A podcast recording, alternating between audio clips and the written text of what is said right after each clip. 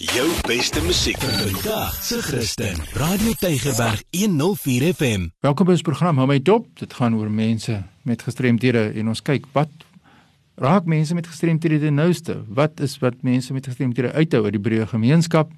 Wat diskrimineer teen persone met gestremthede? In hierdie tyd jaarliks Maart maand gaan dit baie oor menseregte. Menseregte van alle mense word baie na vore gebring. Natuurlik, mense met gestremdhede is deel van die breë gemeenskap. Ons is deel van die samelewing. Ons is nie 'n aparte gemeenskap nie. En menseregte raak ons ook ten nouste. Maar wat is die beleid? Sê iemand vir my in 'n brief, watter beleid kan 'n mens gebruik as mens wil kyk na menseregte van persone met gestremthede? En dit is baie eenvoudig eintlik en dit is nou die huidige beleid wat in plek is. Dit se naam is die Wetskrif op die regte van persone met gestremthede. So of jy nou 'n skoolhoof is of jy nou 'n mediese praktisyn is, of jy nou iemand is wat in die menslike hulpbronne afdeling van 'n departement werksaam is of jy 'n persoon met 'n gestremdheid is. Alles het van toepassing op jou of alles is van toepassing op jou wat in hierdie wetskrif op die regte van persone met gestremthede gesê word. Nou die wetskrif is baie belangrik om te onthou dat hy opgradeer alle vorige wetskrifte of beleide wat in plek geplaas is sedert 1994. So as iemand vir jou vra wat is die beleid? Wanneer is hy gepubliseer? Dan moet jy alle vorige dokumente vervang met die wetskrif op die regte van persone met gestremthede geteken op 9 Desember 2015. So vanaf 2015 af is daar 'n nuwe beleid, 'n nuwe rigting wat ingeslaan moet word in opsigte van gestremdheid. Onthou voor 94 het ons sekere denkwyses geraad rondom gestremdheid. Daar was seker bepaalde wetgewing met handves van menseregte wat Suid-Afrika nie kon onderteken nie. En toe kom 94 en toe kom die handves van menseregte in plek, die nuwe grondwet. En toe is daar baie wetgewing in plek gesit. Beleide is in plek gesit. Nou 'n groeiproses is wat plaasgevind het. Soos wat met enige iets gaan groei die mense se denkwyses rondom sekere sake. So die vraag is wat is die beleid nou? Die beleide wat in plek was tussen 94 en 2015 word vervang deur hierdie wetskrif op die regte van persone met gestremthede.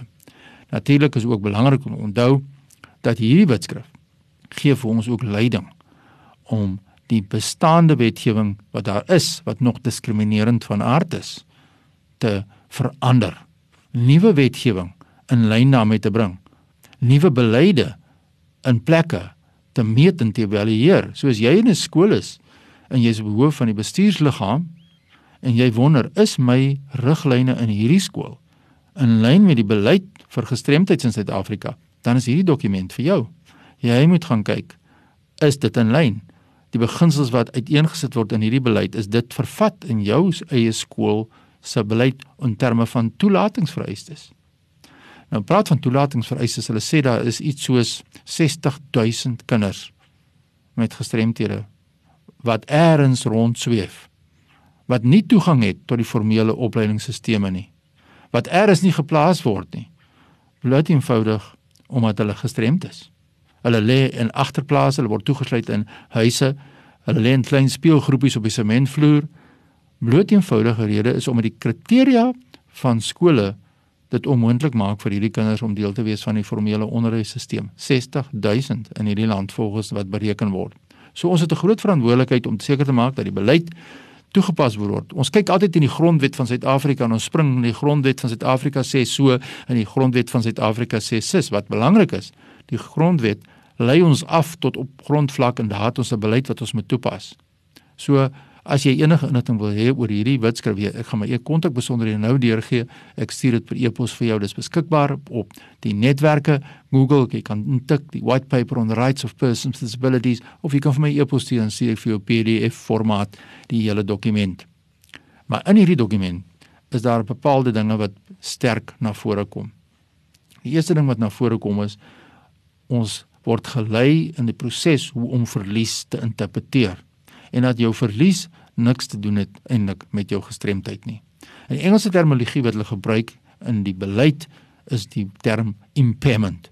Daar's 'n verlies in jou liggaam. Soos ek, is heeltemal doof, my cochlea is beskadig as gevolg van klanke, harde geraas in die weermag. So daar's 'n verlies, 'n verlies aan gehoor. So het 'n mens verskillende forme van verlies. Ons gaan 'n bietjie in 'n volgende program ook daaroor gesels.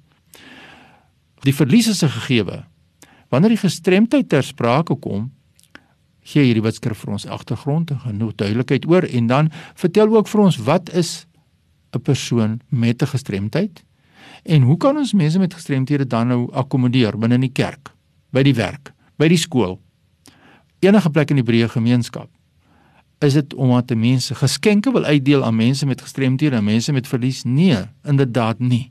Dit gaan op gelyke geleenthede en hierdie wetskrif, hierdie beleidsdokument verduidelik dit so mooi. En ek gaan met die eerste net aanraak in 'n volgende program gaan ons verder gesels maar dit gaan oor die term impairment. Dit gaan oor 'n verlies. Nou die wetskrif sê die impairment is 'n verlies en dit is 'n limitation of a loss of activity or a restricted participation. Met ander woorde as jy iets in jou liggaam het wat jou beperk of inperkings het dit is wat verlies is. Dit het niks te doen met gestremdheid nie. Dis 'n gegewe. Gestremdheid is heel, heel iets anders. Ons gaan in 'n volgende program 'n bietjie verder gesels. Wat sê die beleid? Maar ter afsluiting van hierdie week se gesprek met jou is dat om te verstaan daar's verskillende forme van verliese en watter forme van verliese is daar bestaan wat dit kan lei tot gestremdheid. Die eerste een is fisies van aard. Tweede een is sensories van aard. Die derde een is intellektueel. Die vierde is psigososiaal en die vyfde is neurologies van aard.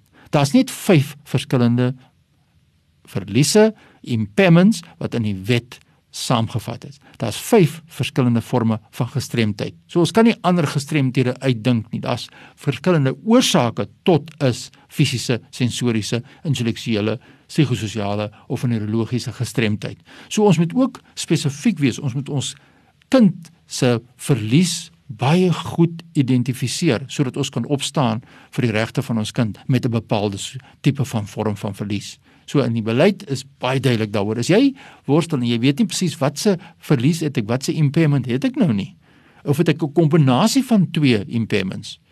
In my geval, ek is sensory neuraal. Met ander woorde, my oor is beskadig, die gehoor is beskadig, maar ook die neurale gedeelte daaraan verbonde omdat die cochlea beskadig is. So ek het twee tipe van impairments verliese. Soos daar baie keer 'n kombinasie van fisies en verstandelik, fisies en sensories met meervoudige gestremdheid. En daar's baie skole en plekke wat werk in hierdie verband. So indien jy enige navraag het oor hierdie kwessie van wat is verlies, stuur 'n e-pos nou aan my by fani.dt by mweb.co.za. Volgende keer gesels ons verder. Jou beste musiek vir vandag se Christen. Radio Tygerberg 104 FM.